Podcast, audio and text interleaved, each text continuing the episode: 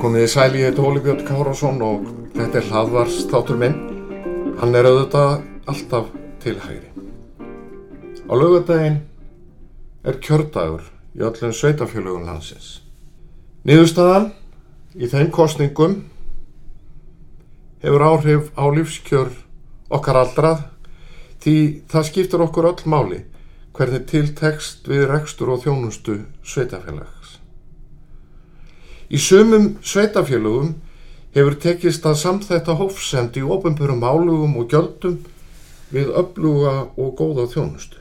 Í öðrum og þau eru því miður og mörg eru álugur í hámarki en íbúanir fá ekki þá þjónustu og ekki þau gæði sem þeir allast til að sveitafélagi veiti. Það er miskilningur að halda að hugmyndafræði skipti engu í sveitastjórnum. Reynslan sínir annað. Á meðan eitt frambjóðandi berst fyrir lærri álugum gefur hinn lovorð um aukin útgjöld. Frambjóðandi sem leggur áherslu á valfrelsi borgarana getur aldrei átt samleið með þeim sem vilja steipa alla í sama mótið. Stjórnmólamæður sem talar fyrir aðhald sem í rekstri kemur ekki fram og gefur út kostningavíksla eða 2 miljardar lofórð.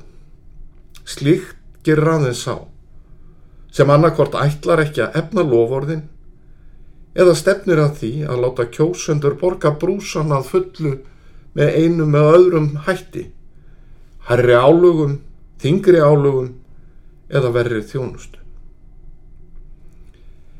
Stjórnmálumæður sem best fyrir sífælt auknum útgjöldum hefur litlar áhugjur af þungum álugum á íbúana. Áhugi hans snýst um að láta engin tækifæri til tekjuöflunar framhjá sér fara og, ef nöðsynlegt er, skuldsetja sveitarsjóð. Þannig stjórnmálamenn finnast því miður í Reykjavík. Og í aðdraðanda sveitarstjórnarkostinga er ekki óeðlilegt að mesta aðteglinn beinist að höfuborginni langstæsta sveitafélagi landsins. Það skiptir ekki aðeins reykvíkingamáli hvernig til tekst við rekstur borgarinnar, heldur eiga allir landsmenn beint eða óbeint mikið undir að þar takist vel til. Blómleg, vel skipulög og hrein höfuborg er metnaðarmál allara Íslendinga. Samfélkingin hefur verið leiðandi í meiruluta borgarstjórnar allt frá árunnu 2010. Fyrst í samstarfi við bestaflokkin en síðan í bræðingi annara vinstri flokka, Vafki og Pírata og nú síðustu fjögur árin viðresnar.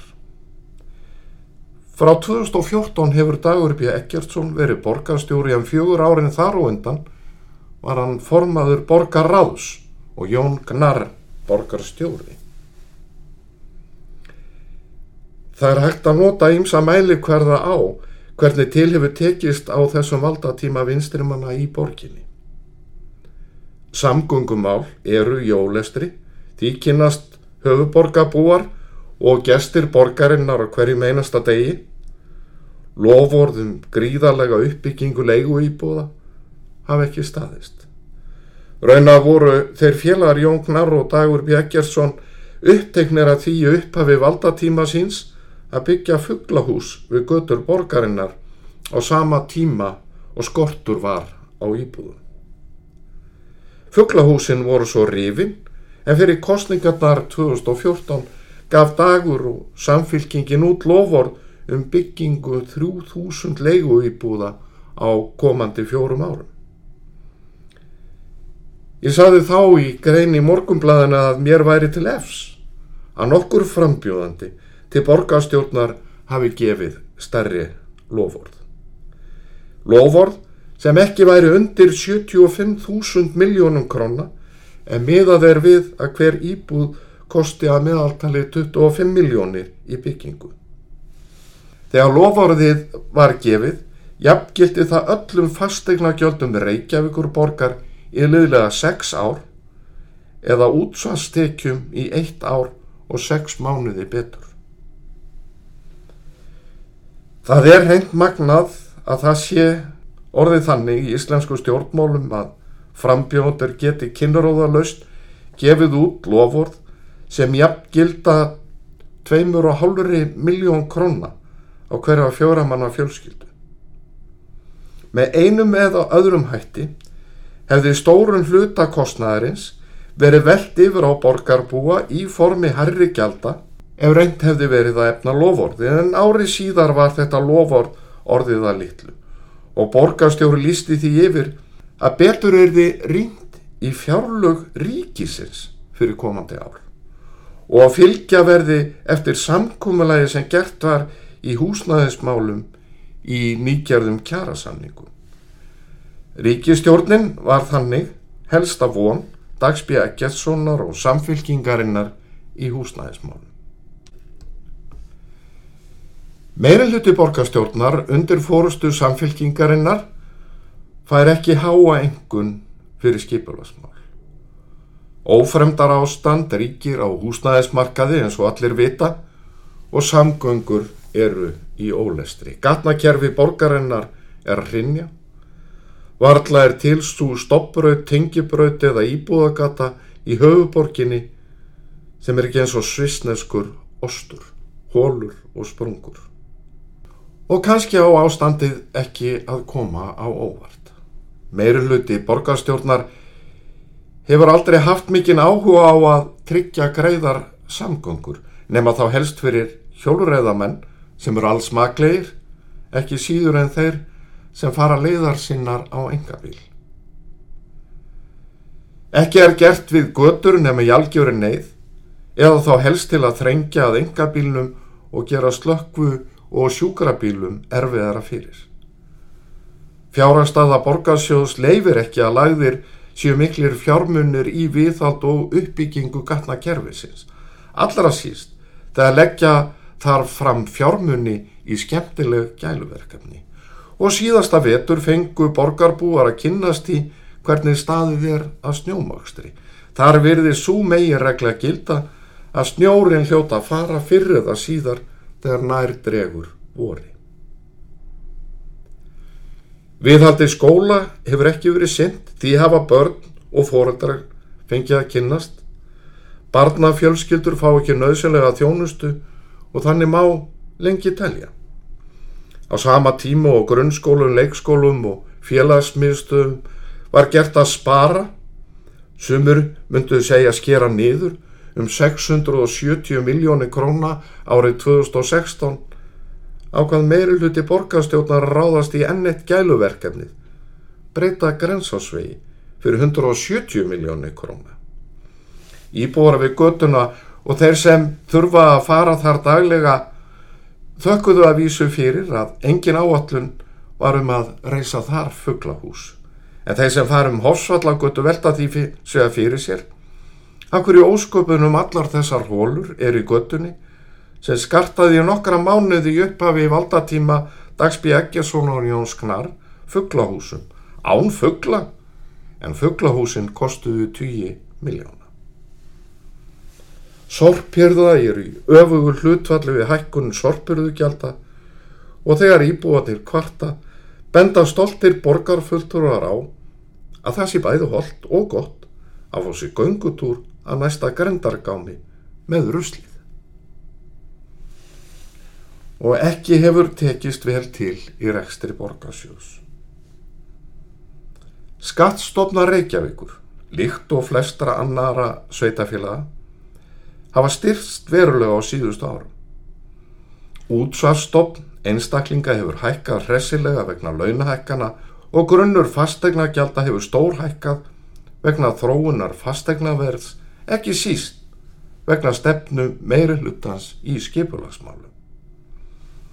Meiri hlutin í Reykjavík hefur ekki sé ástæðu til þess að nýta þetta tækifæri, þessa hagstæðu þróun, til að slaka örlítið á klunni. Þegar litið er á rekstur alhuta borgarsjós er það skiljanlegt. Uppsafnaður Halli frá 2014, árið sem Dagur B. Eggersson tók við borgarstjórnar liklónum, er um 14.000 miljónir króna á föstu verðlægi. Tekjurnar duga sannsagt ekki fyrir grunnurekstri borgarinnar. Skuldir aukast og gengið er á eigið fyrir. Borgarsjóður er samsagt orðin ósjálfbær og þarf að treysta á afkomu fyrirtækja í bérhluta. Borgin gefur lítið eftir við að afla sér fjár með sköttum og þjónustugjöldum, útsvarið er eins hátt og lög leifa og mun herra en í mörgum minni sveitafélugum sem njóta ekki hafkvæmni stærðarinnar sem Reykjavík ætti að búa við væri rétt staðið að málum. Í viðtali við DFF í oktober 2015 held borgarstjórið því fram að Reykjavík glimti við tekjuvanda. Útgjaldavandi væri ekki til staðar. Ári síðar taldi borgarstjóri rétt að borgin fengi sérstakar ríkisaðstóð, trúiði, ríkisaðstóð til að hægt vera að skipta út eitruðu dekjakurli á íþróttavöllum barna og ólinga.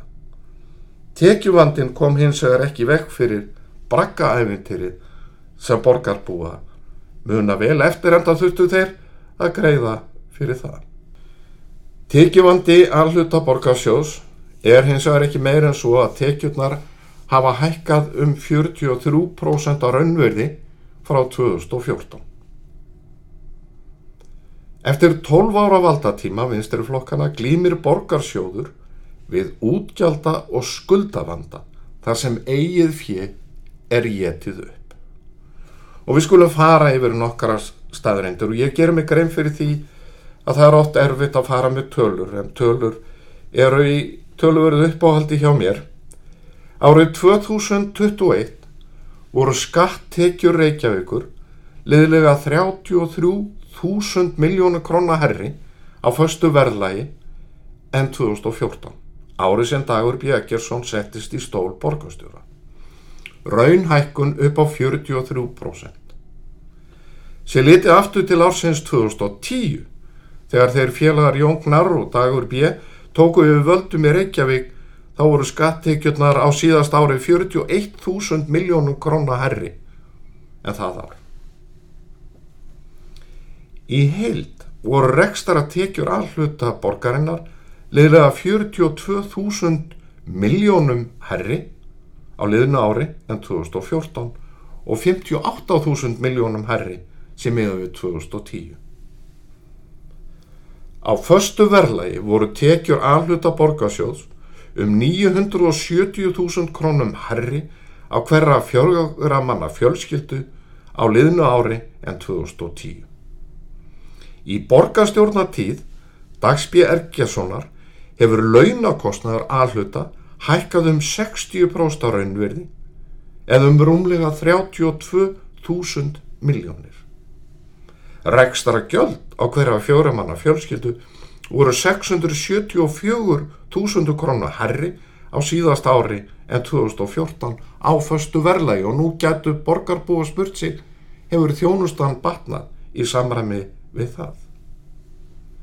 Að raunverði hafa skuldir borgarsjós hækka um 87% eða 67.000 miljónir 67 miljardar.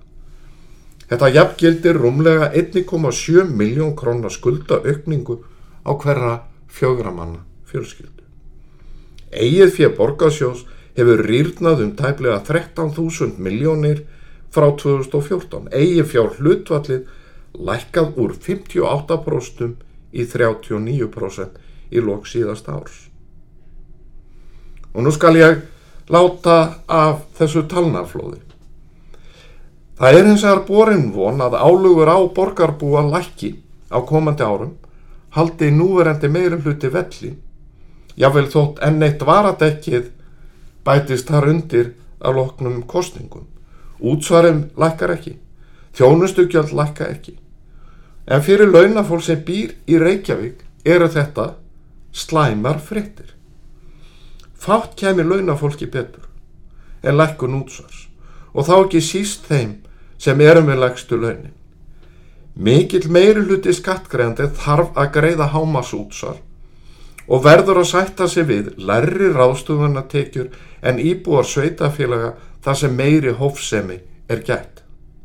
Í aðranda sveitastjórnarkostninga er merkilegt hvernig frambjóðundur til borgar og sveitastjórna koma sér fimmlega hjá því að ræða stefnu sína er varðar álugu á íbúa.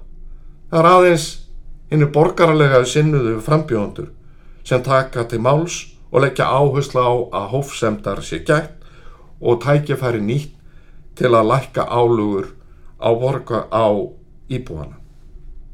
Sankvæmt lögum getur útsvar orði hæst 14,52% en lægst 12,44%. Í Reykjavík er útsvarsprósentan í hámarki. Fyrir almenning skipta ráðstuðunatekjur það er það sem er eftir í umslæðin eftir skatt og gjöld meira máli en krónutala í launataksta eða hildarlaun. Það er því ekki óeðlegt þegar að gengi er til kjara samninga og hort sér til þess hvort og þá með hvað hætti hætti er að lækka álugur og auka þar með ráðstuðunatekjur launafólks. En eins og venjulega þá verður sjálfsagt hort til ríkisins en lítið hugað á álugum sveitarfélaga og þá ekki síst þeirra sem lengst ganga og þingstar álugur leggja á íbúana. Því ég heilt greiða Íslendingar mun meira í útsvar en tekjuskatt. Fyrir venjulega launamann skiptir útsvarsprósentan því meira máli en álækninga hlutvall tekjuskatts. En þar vil meiri hluti í Reykjavík ganga eins langt og lög leifa í stað þess að leita leiða til að auka ráðstofuna tekjur í búana. Verði stjórn borgarinnar óbreytt næstu fjögur árin geta reykingingar því ekki gert sér miklar vonir um bætt á þjónustu. Samgöngur verða áfram jólestri og þar skiptir engu þótt gömul kostningalofórnum stokk eða borgarlínu séu endurunni. Bólmagn borgarinnar til að ráðast í nöðsynlegar fjárfestingar í hagrænum og félagslegum innviðum verður takmarkað. Á sama tíma styrkjast nágranna sveitafélagin. Umsjöfað mikil uppbygging er framundan í Mósfellsbæ. Haldi verður áfram að lækka álugur á íbúi Kópavegi og Hafnafyrði. Á sjálftjarnanesi verður útsvarið lækkað. Í Garðabæn njóta íbúar hófsendar í álugum og góðrar þjónustu. Í öllum þessum sveitafélagum verður góð þjónusta aukin með óbreyttum meirulutum. Í kjörklefanum álugardaginn velja kjósendur um alland á milli ólíkra hugmynda. Nýðustadan hefur áhrif á lífskjör okkar allara á komandi árum. Ég þakka þeim sem hlýttu, eigi góðar stundir.